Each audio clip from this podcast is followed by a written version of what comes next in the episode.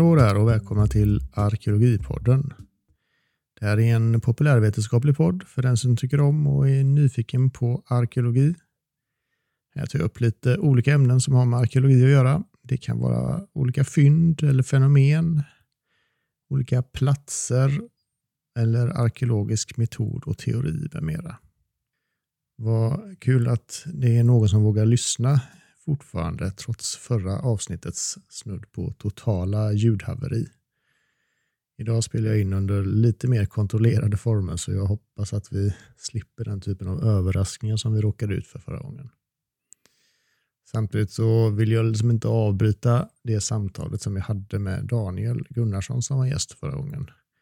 Jag tyckte att det var så pass intressant eh, och det var också svårt att klippa bort Eh, delar av samtalet utan att alldeles för mycket intressanta delar skulle försvinna. Så jag hoppas att det var fler än jag som tyckte att det ändå var värt att behålla de delarna som kanske inte riktigt var så trevliga rent ljudmässigt att lyssna på. Idag tänkte jag prata lite grann om gravrösen. Gravrösen är en typ av grav som på många sätt har kommit att definiera bronsåldern. Vi kommer bland annat prata lite om just det här med dateringen av de här fornlämningarna. Och så ska jag försöka säga någonting om hur de är konstruerade och lite grann om vad de kan berätta om det samhälle som de var en del av. För att eh, man ska hänga med lite i, i det här avsnittet så är det bra att ha koll på några av de här tidsbegreppen som jag kommer använda. Eh, jag kommer att prata en hel del om just bronsåldern. Och bronsåldern är ju den tidsperiod som sträcker sig från 1800 före vår tidräknings början fram till ungefär 500 före vår tidräknings början. Den efterföljs då av järnåldern och järnåldern inleds med en tidsperiod som kallas för förromersk järnålder. Eh, som börjar då ungefär 500 före vår tidräknings början fram till Eh, början av vår tideräkning. Och sen därefter så kommer det som vi kallar för romersk järnålder. Och det, den sträcker sig fram till ungefär 375 efter vår tideräknings början. Eh, så det är den tidsåldern eller de här tidsåldrarna som vi kommer röra oss. Och de här första perioderna av järnåldern ingår ju tillsammans med någon efterföljande del i det som man brukar säga den äldre järnåldern. Jag tänkte att vi skulle börja med att titta på hur, vad definitionen är av ett röse eller ett gravröse. Och det finns ju andra typer av rösen. Eh, förra avsnittet så pratade jag och Daniel lite grann om det här med odlingsrösen och röjningsrösen. Men i, det här avsnittet så ska vi prata om eh, gravformen eller gravtypen rösen. Och när man tittar på Riksantikvarieämbetets definition av ett röse så lyder den ordagrant eh, förhistorisk gravanläggning med markerat välvd profil, uppbyggd av stenar utan synlig inblandning av sand eller jord. Eh, och Det kan ju låta ganska klart om vad det är, alltså en, en rundad stenhög helt enkelt. Eh, det som komplicerar det lite grann är att det finns en annan typ av gravform eller gravanläggning som kallas för stensättning. Och definitionen av den lyder förhistorisk gravanläggning med flack eller svagt välvd profil. Eh, så de här definitionerna är ju ganska lika och när man då har registrerat de här fornlämningarna så är det olika människor som har varit ute och eh, registrerat ehm, rösen och stensättningar. Eh, och det har kanske inte alltid varit så himla lätt att eh, i fält definiera vad som är en markerat välvd profil eh, och vad som är en svagt välvd profil och när ett, en stenhög blir flack eh, eller inte. Så det är någonting vi får ta med oss in i diskussionen här att eh, det kan råda viss, viss diskrepans eller viss förvirring med, eh, ibland kring vad som är en stensättning och vad som är ett röse. Eh, det finns också någonting som kallas för långrösen. Eh, det är när, en, när de har lite mer avlång form. Eh, att de inte är helt runda utan att de är lite avlånga, ellipsformade. Då kallas det för långrösen istället. Men i regel så är de flesta rösen eh, mer eller mindre runda. Vi ska prata lite senare om det här just att, att det är ju vi i efterhand som har definierat de här olika sorterna lämningar. Ehm, ibland glömmer man av det och tror att människorna som levde under de här olika tiderna också hade de här olika definitionerna eh, i, i den praktiken som de levde i. Men ehm, så är det ju såklart inte, utan det här är någonting som vi har definierat i efterhand. Så de här skillnaderna som vi ser är ju någonting som eh, det inte alls är säkert att människor eh, på den här tiden uppfattade på samma sätt. Ehm, när man tittar i fornlämningsregistret och söker på just rösen i Sverige så finns det nästan 20 000 registrerade fornlämningar som är definierade som rösen i Sverige. Ehm, så det är väldigt, väldigt många. Det är också värt att veta i det här sammanhanget, eller i hela den här diskussionen som vi kommer ha här, är att det är mindre än 2 procent eh, lite mer än 1,5 procent, mindre än 2 procent som, som är arkeologiskt undersökta. Så vi eh, kan redan så här inledningsvis konstatera att vi vet ganska lite om vad som finns i de här rösena. Eh, eftersom det är så pass få som är undersökta.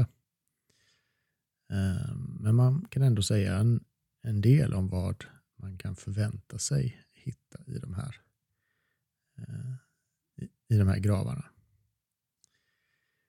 Ehm, men vi kan alltså säga att det är en, en rund stensamling och det är då medelstora stenar som ligger i den här stenhögen eller den här stensamlingen. Det är alltså inte småsten och det är inte heller stora klippblock vanligtvis utan det är medelstora stenar som man har samlat ihop och byggt då en, eh, en rund stensamling eller ett röse. Vad man också kan se på många av de här rösena är att eh, de ibland har ett brätte runt sig, alltså att de har ett flakt, en yttre ring kan man säga. Eh, och de har också ganska ofta en yttre kantkedja. Eh, sen när man undersöker dem och gräver ut en sån här, ett sånt här röse så kan man ju hitta fler kantkedjor inne i röset. En kantkedja är alltså lite eh, större stenar som ligger som i en cirkel runt röset som på något sätt omringar eh, röset. Eh, och det kan ju ha haft en praktisk eh, funktion i att det, den här kantkedjan hindrar röset från att liksom flyta ut och bli så flackt utan man har det som en stödjekant runt för att kunna bygga ett litet lite högre röse än man kanske hade kunnat göra annars.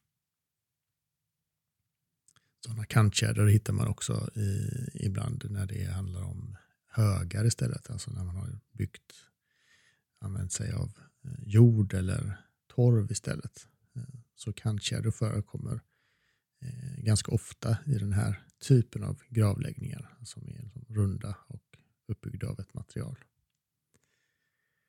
Ehm, inne i de här rösorna, som man, eh, när man gräver ut dem, så finns det oftast en, någon form av kistkonstruktion. Eller en konstruktion. Ibland kan det vara hällar som man har som ställt i, en, i form av en kista. Eller det kan vara en som kallmurad konstruktion inne i röset. Som då oftast innehåller själva eh, huvudgravsättningen.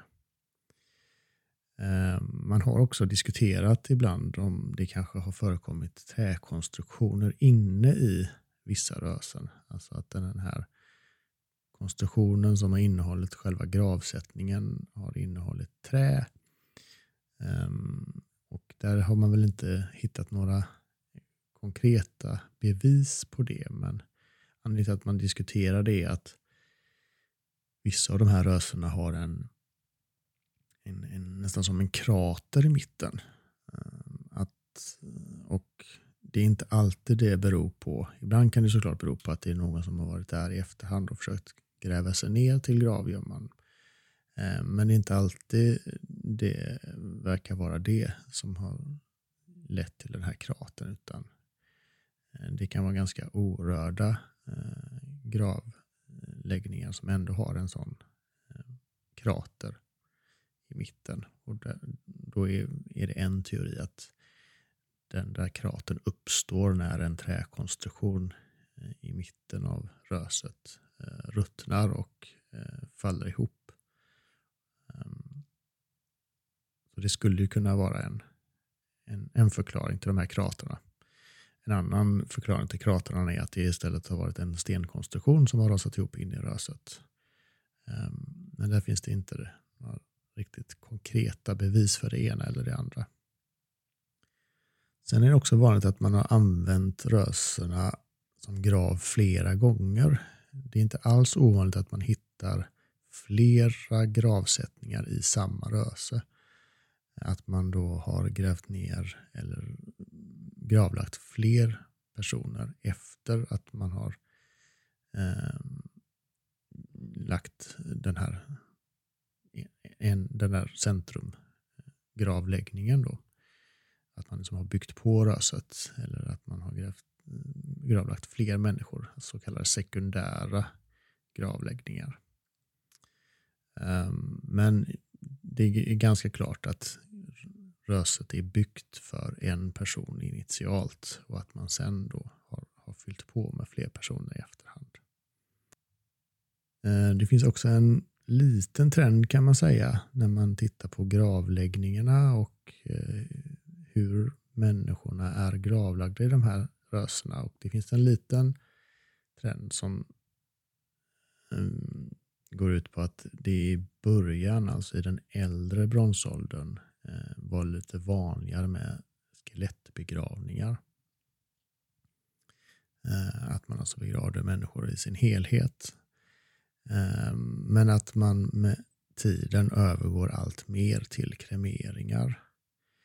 Det är inte helt entydigt för det finns också kremeringar som förekommer i den äldre bronsåldern. Eh, I de här äldre bronsåldersröserna. Men ehm, så det, det, verkar som att de här två metoderna eller de här gravläggningstyperna har förekommit samtidigt. Ehm, men att det med tiden blir allt vanligare och det gäller generellt sen när vi kommer in i järnåldern också att det blir vanligare och vanligare med eh, just kremeringar. Och att vi kommer från en tid under eh, yngre stenåldern där det var vanligt med, med skelettbegravningar. Så man kan se en, en övergripande trend åt att, vi går, att man går från skelettbegravningar till kremeringar. Um, och Något som är intressant är att det Trots att man då övergår i vissa fall till kremeringar så kan fortfarande själva kistan vara lika stor som om den hade behövt vara om det hade varit en skelettbegravning. Ehm, så att det är en kremering behöver inte betyda att det är nödvändigtvis en mindre kistkonstruktion i mitten eh, av graven eller av röset. Eh, det är också ganska, eller det är i alla fall inte ovanligt att man inte hittar några mänskliga kvarlevor alls i de här gravarna. Eh, det behöver såklart inte betyda, och det vet vi ju sedan avsnittet som handlar om Sutton Who, där man inte heller hittar några mänskliga kvarlevor. Eh, det behöver inte betyda att det inte har funnits några sådana från början. Men det, utan det kan ju bero på att de helt enkelt inte finns kvar. Och Det kan också bero på att man när man grävde ut just de röserna, att det inte fanns, man hade inte de tekniska möjligheterna att, att eh, ta reda på om det hade legat mänskliga kvarlevor där. Till exempel genom en sån här fosfatkartering eller liknande. Som man kan använda som metod för att ta reda på om det har funnits eh, till exempel en, en begravd människa där. Om man tittar på fynden i själva gravarna, i gravläggningarna, så varierar det också ganska mycket. Det kan vara alltifrån relativt fyndfattiga gravar i de här rösarna ehm, med få fynd. Men det kan också förekomma väldigt rika eh, fynd i de här gravrösena. Man har hittat eh, rösen som har innehållit Eh, många olika praktfynd. Det har varit eh, guldföremål och man kan eh, hitta bronssvärd och så kallade rakknivar av brons. Pincetter och nålar och olika dräktsmycken har förekommit. Så det är en ganska stor variation i fynd, av, av fynd. Det kan vara som sagt var både väldigt få fynd och väldigt rika gravar. Och, eh, överlag får man nog tänka att de här rörelserna var ämnade att eh, visa på rikedom och makt på ett eller annat sätt. Eh, I, I vissa fall kan man ju då se det i, i fyndmaterialet att det har varit väldigt eh, rika eh, begravningar med mycket fynd som visar på rikedom. Hos, antingen hos den då som är, ligger begravd eller åtminstone de som har begravt personen i fråga. Men eh, man får också tänka på den arbetsinsats som har krävts för att bygga eh, de här rösarna. Eh, vi ska prata om det lite senare, men själva, själva arbetsinsatsen tyder också på att det måste ha förekommit någon form av maktförhållande på ett eller annat sätt som har lett till att man har kunnat få människor att konstruera de här ibland monumentala rörelserna. Och om vi tittar lite grann på hur man har tyckt och tänkt om de här gravrörelserna eh, historiskt sett så har man som sagt var haft en väldigt stark koppling mellan eh, just bronsålder och de här rörelserna. Det är till och med så att man ibland till och med kallar dem för just bronsåldersrösen.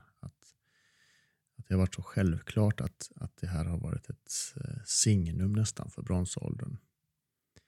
Eh, och då har man använt röserna och tittat, eh, som, när man har markerat ut dem på en karta så har man liksom kunnat slutsatser från just koncentrationen av rösen och eh, då dragit slutsatser om hur vad var, vilka platser som var bebodda under bronsåldern till exempel. Eh, och vilka bebyggelsemönster man kan se utifrån eh, koncentrationer av eh, de här gravrösena. Men på eh, senare tid så har det blivit lite ifrågasatt och det har blivit lite mer komplicerat eh, kan man säga ju mer information man får ut från de här Eh, Eh, från undersökningarna av, av de här röserna. Vi ska komma till det lite senare, men det här handlar bland annat om just dateringen och att det finns en hel del saker som tyder på att den här traditionen att begrava döda människor i rösen eh, inte tar slut direkt med bronsåldern utan det fortsätter en, en bra bit in i järnåldern. Vilket gör de här tidigare teorierna om att avläsa bronsålderns bebyggelsemönster utifrån rösen inte riktigt lika, lika enkla så som man kanske tänkte på det förr. Ehm, att det blir lite mer komplicerat att använda den typen av slutlednings, ehm, slutledningar helt enkelt. Ehm, sen har man också ibland parat ihop eller som pratat om de här röserna med andra gravtyper som finns under bronsåldern. Eh, det finns också stora bronsåldershögar eller stora högar som man byggde eh, i vissa delar av Sverige. Framförallt i söd de södra delarna. Och så har man pratat om både rösen och högar eh, på ett liknande sätt. Nästan som att det skulle vara uttryck för samma sak. Och på vissa sätt så kan man väl säga att det, att det finns mycket likheter Ehm, till exempel när det kommer till att mm, titta på hur, hur, hur, hur stor arbetsinsats det måste ha varit att bygga ett röse och bygga en hög. Ehm, men eh, det finns också som, saker som gör att man kanske ändå ska separera de två åt. Både då vad gäller datering och, men också lite grann vad det har betytt för människorna att, att konstruera de här monumenten. Och som sagt var, på senare tid så har, man, har det blivit en lite mer komplicerad bild eh, av, av rösernas, eh, hur man ska tolka de här röserna och hur man ska datera dem. Eh, eftersom man numera då inte kan kalla alla rösen för bronsåldersrösen. Utan att det, det finns rösen under andra tidsperioder också. Och det kan mycket väl hänga ihop också med den här um, diskrepansen i hur man har klassificerat rösen uh, eh, som just rösen och uh, huruvida det är just rösen eller kanske snarare ibland då kanske är, rör sig om stensättningar. Um, så, så det här att, att vi i efterhand har kategoriserat dem som två olika saker eh, som ibland kan vara svårt att definiera vad som är vad har också eh, ställt till det lite grann, i alla fall när man ska göra sådana här stora eller analyser över, över alla registrerade rörelser till exempel, då är just hur de har blivit registrerade kan ju i vissa fall vara ganska avgörande för de slutsatserna man väljer att dra av den typen av eh, studier. Um, så det får man också eh, väga in i, i det här. Om vi då övergår till att titta lite grann på var man hittar de här röserna? Alltså vad är det för kontext som de förekommer i? Och eh, då finns det några olika mönster man kan se. Ehm, man hittar de här rösterna framförallt längs kustregionerna i det som nu är Sverige. Ehm, det finns koncentrationer av rösen eh, i områden i Bohuslän till exempel och norra Halland. Det finns ett område. På Gotland finns det väldigt många rösen. Ehm, men även i Blekinge och i Småland och längs hela Östersjökusten ända upp till Piteå hittar vi det som man kanske kan kalla för just kuströsen. Och eh, längs kusterna så är de oftast monumentala så att de ligger eh, upphöjt, de ligger på höjder i landskapet. Väl synliga från ganska långt håll oftast. Eh, och väl synliga från eh, den dåtida kustlinjen. Eh, och återigen när man tittar då på de här kartorna med markerade rösen så måste man ju då tänka att bronsålderns kustlinje låg i regel, Eh, vilket vi har lärt oss från avsnittet om just eh, strandlinjekurvor, eh, så ligger eh, strandlinjen högre upp jämfört med vad vi ser idag. Så idag kan de här rösena ligga en bra bit in mot land, men de kan då under bronsåldern ha legat ganska nära havet. Och just de här rösena som ligger längs kusten kan man då kanske koppla ihop med en befolkning som levde i de här regionerna och som var eh, delvis fiskare kanske, eller som levde både på fiske och eh, i kombination med jordbruk. Eh, man är ju man är ju en etablerad, i Sverige så är det ju, finns det en etablerad jordbrukskultur kan man säga under, under bronsåldern. Så det är ingen tvekan om att det var, framförallt var jordbrukare man var. Men just längs kusterna så verkar man ha haft en relation till havet och det är mycket sannolikt att, att det var ett kombinerat näringsfång där. Att man även hade fiske som, som eh, källa till mat. Sen finns det andra områden eh, inåt landet som också har stora koncentrationer av rösen. I Småland till exempel och i Eh, en bit in i Västergötland i några sådana områden. Och Vissa av de röserna som ligger inåt landet de ligger också i monumentala lägen längs vattendrag. Då kan det vara älvar eller åar eller så eh, som eh, där, där de här rösena ligger eh, på höjder längs de här vattendragen som man då kan tänka sig ha varit farbara på den här tiden. Och det kan också ligga också i de här monumentala lägena, eller kan det ligga liksom längs eh, andra, kan man tänka sig, vägsträckningar, alltså platser som man har rört sig längs under den här tiden. Um, så, så eh, det verkar ha varit liksom viktigt att, att de här rörelserna skulle vara synliga för folk som rörde sig då antingen på vatten eller um, på farbara vägar. Sen finns det också rörelser som inte har det här monumentala läget eller som inte ligger så upphöjt. Alltså som ligger, kanske ligger lite längre ner i landskapet. Eh, och som kanske inte heller nödvändigtvis är kopplade till vattendrag eller vägar på samma sätt. Eh, så det finns skillnader i hur, var man hittar dem i, i landskapen. Ehm, vilket också kan vara då ett, tecken på att man kanske har samlat eh, flera olika typer av gravar under samma paraplybegrepp. Ehm,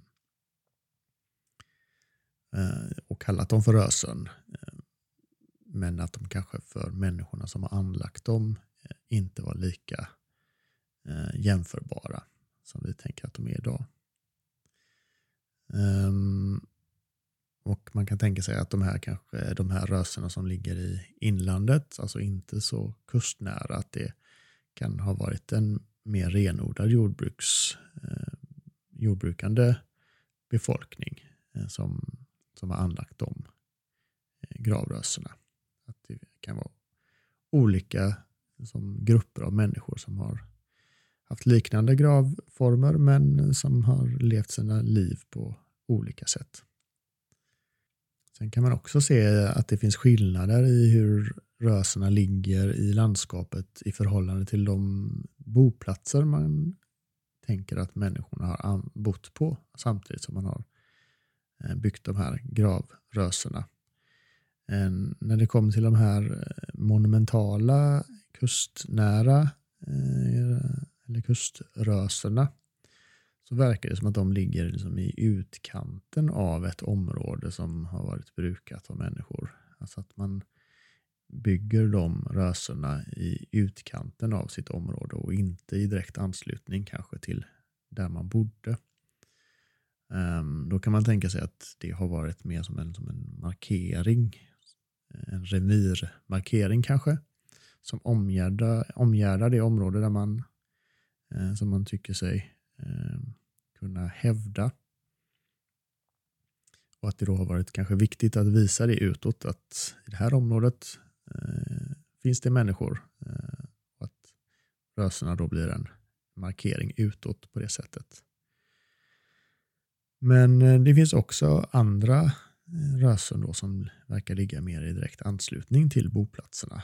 Så det förekommer eh, rösen som ligger nära de platserna som man bodde på under samma tid. Ehm, och det, det finns en liten diskussion där kring om just att de här kanske de rörelserna som är ehm, mer daterade till äldre järnålder ehm, kanske tillhör den kategorin som låg lite närmare boplatserna än, än vad de rörelserna som man kan datera till den äldre i bronsåldern gör. Det blir också så sen under järnåldern när man eh, börjar bygga de här gravfälten så finns det ju också oftast en koppling mellan gravfält och boplatser. Eh, att de ligger i närheten av varandra.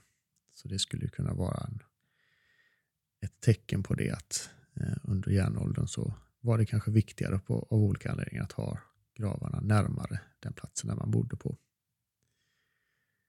Eh, till exempel så finns det eh, lite områden i Sjuhäradstrakten i Västergötland som tyder på att, att det är snarare järnåldersgravar, de här röserna, och att de ligger då ganska nära den dåtida, de dåtida bosättningarna. Om vi ska titta lite grann på det här med dateringen då lite noggrannare. Vi har redan pratat en del om det men eh, som jag har sagt innan så, så har det traditionellt varit så att man nästan kategoriskt har placerat rösen till, i bronsåldern. Eh, och att man då till och med har kallat dem just för bronsåldersrösen. Ehm, och att den här, det har förändrats lite grann på senare tid. Eh, det är också så att många av de här rörelserna som är utgrävda, de har inte gått att datera med hjälp av naturvetenskapliga metoder. Utan man har liksom daterat dem utifrån lite mer osäkra eh, metoder.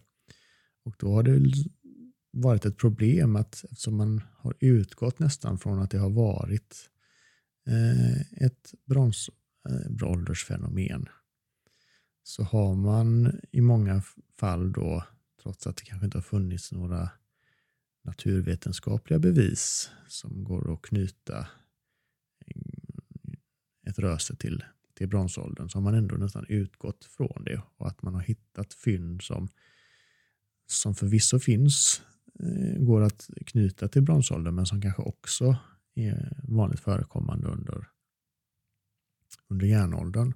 Och då har man ändå eh, lutat åt att datera dem till, till bronsålder helt enkelt. Och det, och det har man då kanske fått tänka lite, om lite grann kring nu när det då har på senare år dykt upp eh, rösen som, som man eh, daterar till järnåldern istället. Då.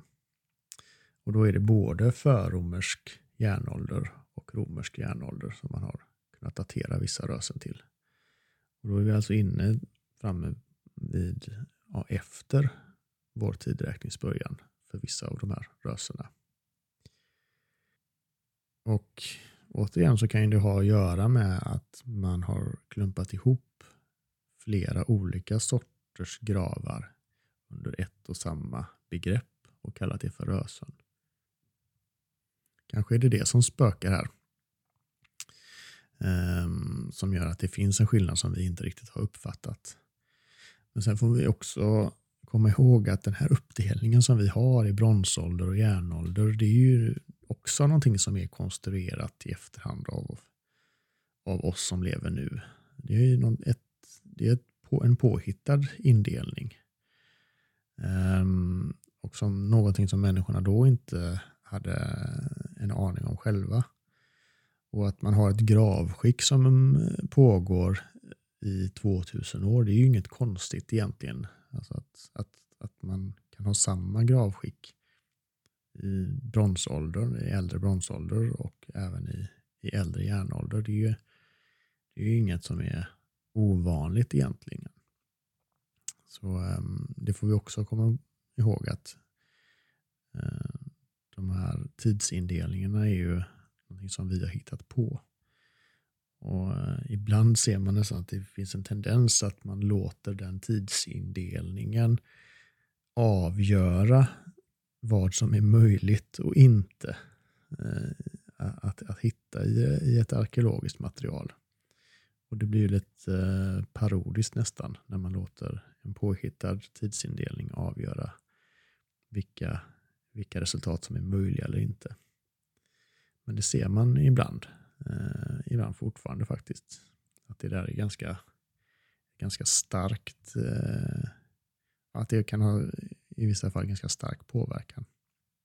Sen är det också så att, som jag sa innan, att det är alltså mindre än 2% av alla registrerade rösen som är undersökta.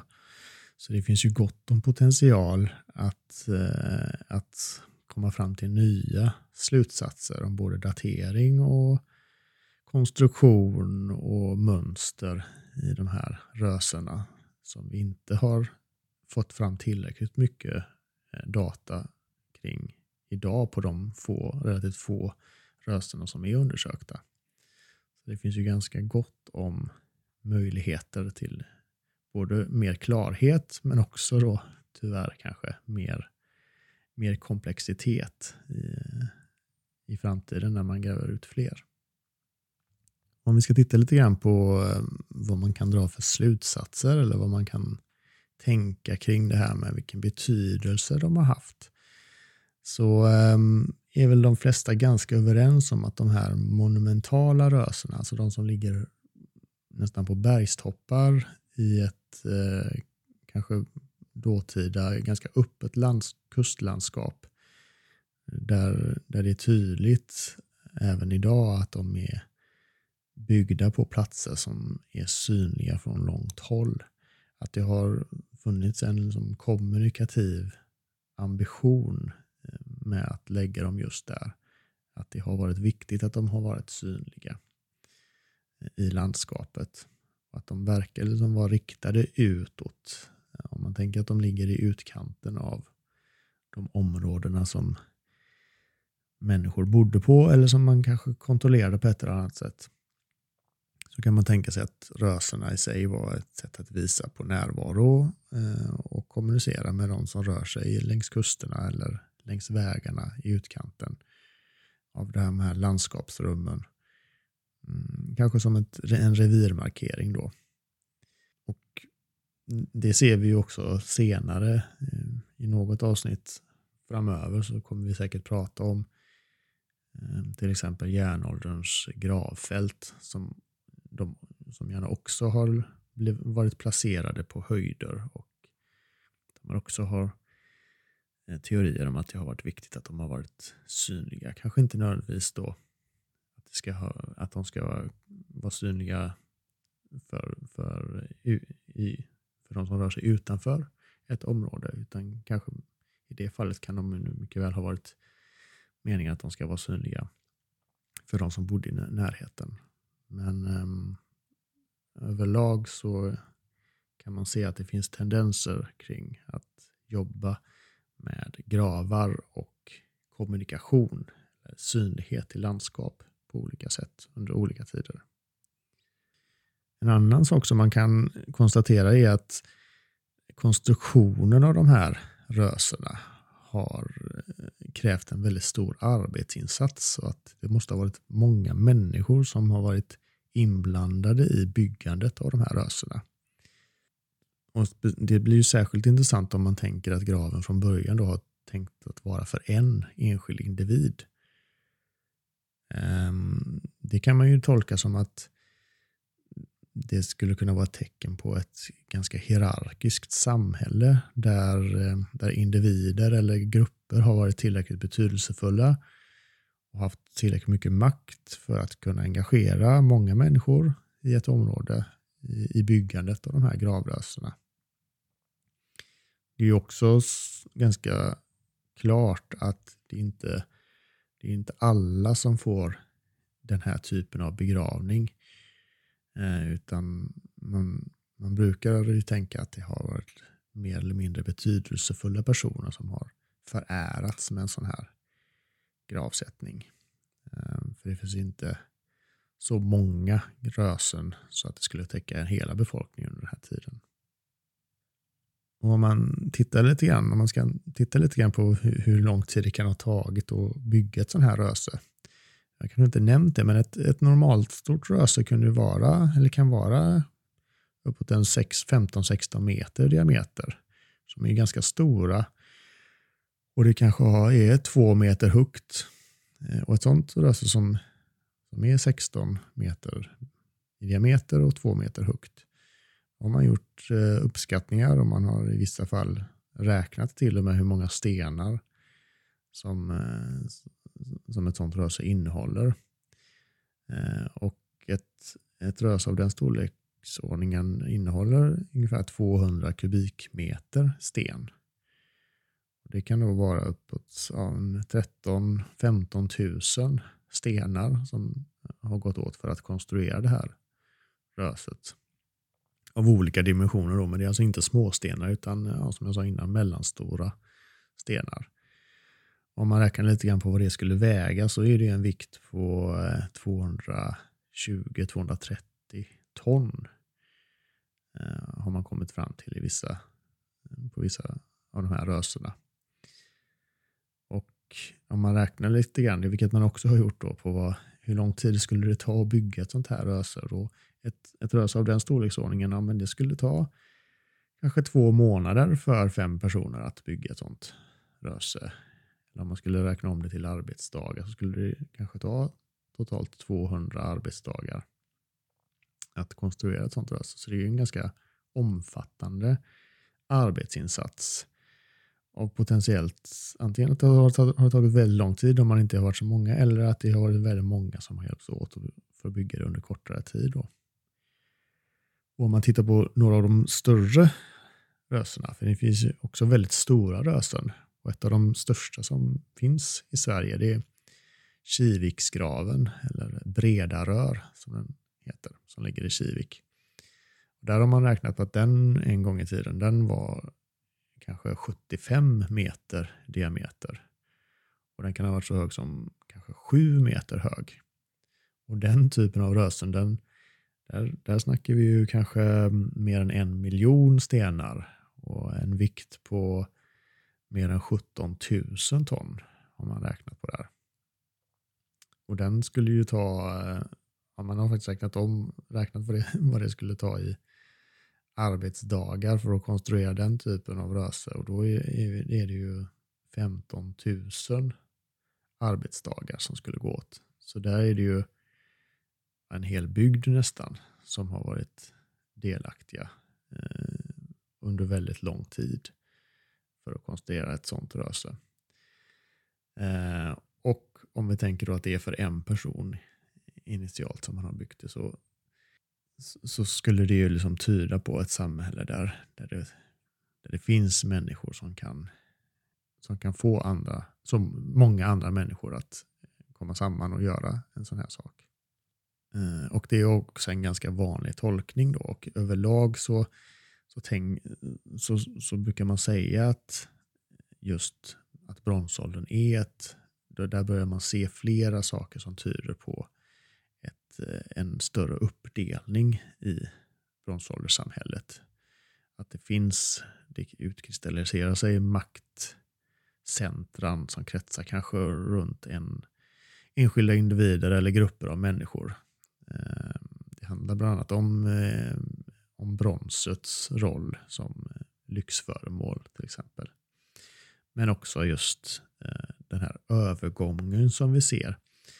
Ehm, för om vi tittar på tidsperioderna innan bronsåldern, alltså i neolitikum eller bondestenåldern, då har man också förvisso stora gravar, ehm, stora eh, sten eh, hällkistor till exempel.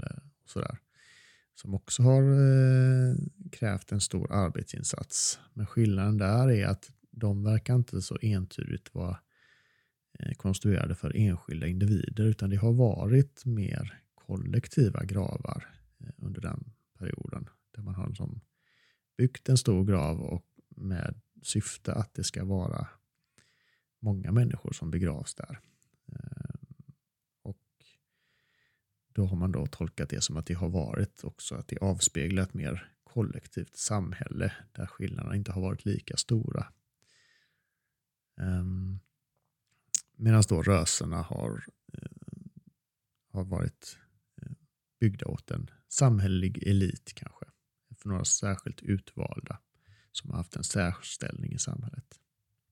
Och även då, det här kan man nog tänka att, eh, att det har varit så trots att när man, som jag sa innan, när man, gör, när man gräver ut de här rösterna så hittar man ju som jag sa andra människor, fler människor som är begravda i röserna. Ehm, så på, eh, på något sätt så, ehm, så kan man väl kalla rö, även rösen då för kollektiva gravar eftersom man hittar mer än en person begravd i dem. Men det verkar ju ändå som att det har varit en ursprunglig person som har varit huvudpersonen. Så det finns en huvudperson i röserna som man inte hittar i de tidigare kollektiva gravarna. Och att det kanske har varit viktigt för eh, de människorna som man har begravt där efteråt, i efterhand, att eh, koppla ihop sig med den här huvudpersonen. Och att det kanske är de här eh, efterkommande begravda människornas relation till den här huvudpersonen som har varit avgörande för om man får bli begravd där eller inte. Vilket också då skulle vara en, en skillnad om man jämför med de här tidigare stenåldersgravarna. Eh, en annan aspekt här eh, jag sa ju innan här att man har eh, ibland jämfört just rösen med, med högar. Ehm, på ett sätt så när det kommer till själva konstruktionen så finns det ju likheter där att även en hög kräver en väldigt stor arbetsinsats att, att bygga. Alltså att samla ihop torv som många av de här högarna är, eller är, är byggda av. Eh, är också väldigt tidsödande och kräver också en stor arbetsinsats. Men resultatet av en sån insamling är, skiljer sig ganska mycket åt. När man bygger en sån, sån hög av, eh, av, eh, på, av eh, jord eller torv, då, då förstör man ju potentiellt fertil odlingsmark. Så byggandet av högarna leder ju till ibland ganska, att ganska stora områden eh, därefter blir obrukbara, så att man tar bort den, eh, den bördiga jorden och samlar det i stora högar. Men eh, i, när man bygger ett röse så kan det ju snarare vara tvärtom. Alltså att rösena kan ju vara byggda av stenar som, som man röjer från eh, kanske marker som inte har gått att odla på just på grund av att det har varit väldigt mycket sten i dem. Om man då plockar ihop de stenarna och bygger ett röse, ett gravröse av dem, då har man helt plötsligt kanske skapat eh, nya odlingsytor. Eh, och det är en ganska Eh, intressant skillnad där då att i det ena fallet så leder byggandet av högen till nästan ett, ett offer på det sättet. Att man offrar eh, odlingsbar mark eh, när man bygger högen. Eh, men när man bygger ett röse så, så blir konsekvenserna inte alls de samma. Ehm, det kan ju vara en anledning till att kanske diskutera de här olika gravarna åtskilt och inte klumpa ihop dem och säga att det rör sig om samma, i princip samma sak. Oavsett så är ju kanske konstruktionen och byggandet av de här rösena eh, måste ha varit en betydelsefull handling eller en betydelsefull insats på olika sätt.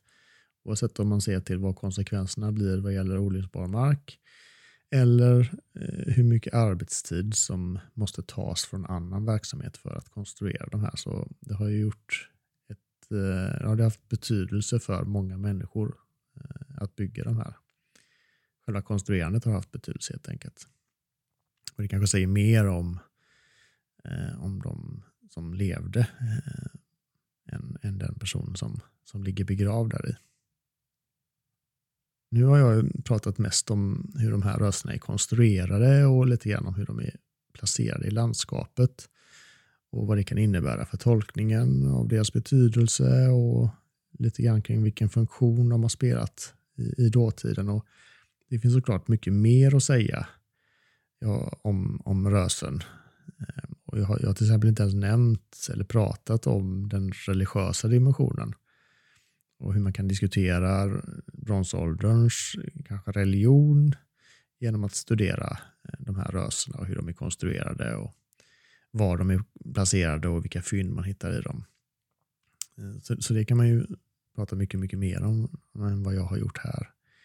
Och jag tänker att vi kanske återkommer till det i framtiden. Eh, och att vi kanske pratar om detaljer kopplade till röserna. Och jag tänker också att vissa rösen är så pass eh, magnifika och viktiga och innehållsrika att vi kanske kommer prata om enskilda rösen i, i, i framtida avsnitt. Det här, den här Kivex-graven till exempel eh, tycker jag mycket väl skulle vara värt att prata om i, i ett enskilt avsnitt eh, av podden framöver. Och Det finns också ganska spännande kopplingar mellan vissa av gravfynden, de här bronsrakknivarna som jag nämnde som man hittar ibland som gravgåvor. Där finns det ganska spännande likheter med dem, mellan dem och mellan, eh, med hällristningsskepp som man kan hitta eh, i Bohuslän bland annat. Det finns mycket att, att prata om och även de kuströsernas placering i gräns, gränstrakten mellan hav och land eh, kan man också diskutera och gärna då kopplat till just hällristningar som också förekommer i samma områden. Så vi har många framtida teman som säkert kommer beröra just rösen. Eh, och vi kan ju konstatera eh, bara i den, genom att skrapa på ytan som vi har gjort i det här avsnittet att det är mer komplicerat eh, att, än att säga att rösen är, är ett fenomen som bara förekommer under bronsåldern. Det är viktigt att titta på flera faktorer för att kunna säga någonting om dateringen. Ehm, det går alltså inte att bara titta i fornsök och söka på, på rösen och eh, säga att alla de eh, som träffarna man får där är bronsåldersgravar. och man får nog, just när det kommer till datering så får man nog ändå säga att för att vara helt säker så måste man nog göra en arkeologisk undersökning. Det var eh, ett, ett, tydligt exempel på det som uppkom för ett par år sedan. Det var i, eh, i ett, väldigt, ett ganska klassiskt sånt här monumentalt bronsåldersröse eh, som man eh, skulle gräva ut eller som man undersökte. Och det låg i ett område på Hissingen i närheten av Göteborg. Ett område som kallas just för bronsålderssundet. I det området ligger det och det, har då, det kallas så för att det var ett sund under bronsåldern. Det är inte ett sund idag, utan nu är det eh, en bra bit upp på land. Um, men det här sundet kantades av på båda sidorna av sundet så, så ligger det flera eh, rösen och det ligger boplatser som man vet är från bronsåldern. Ehm, och när man undersökte just ett, sånt, ett av de här rösena så visade det sig att det med stor sannolikhet inte alls kan dateras till den äldre bronsåldern. Utan ja, möjligen kan det kanske dateras till yngre bronsålder, men det troligaste är att det är eh, att det är byggt och konstruerat under äldre järnålder. Eh, så det som på ytan kan se väldigt självklart ut är inte alltid det när man, eh, när man väl undersöker det. Så ehm, man kan nog konstatera det att det, det, krävs arkeologisk undersökning för att vara helt säker. Och en annan intressant aspekt som vi har pratat lite grann om, här är att fundera lite grann på vad själva konstruktionen av eh, innebär för människorna som konstruerade det och som levde där.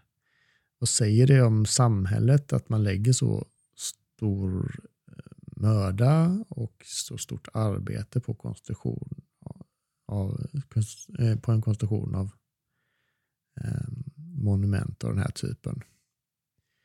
Man man kan ju ganska lätt tänka sig att det rör sig om ett väldigt auktoritärt samhälle. Det är lätt att se framför sig en ledare som tvingar sina undersåtar att bygga ett monument. Man kan ju få upp bilder i huvudet av eh, Egyptens pyramider som konstrueras med hjälp av slavkraft. Och det skulle ju såklart kunna vara ett, en, en tänkbar eh, en bild som skulle kunna ha försiggått även här på den tiden.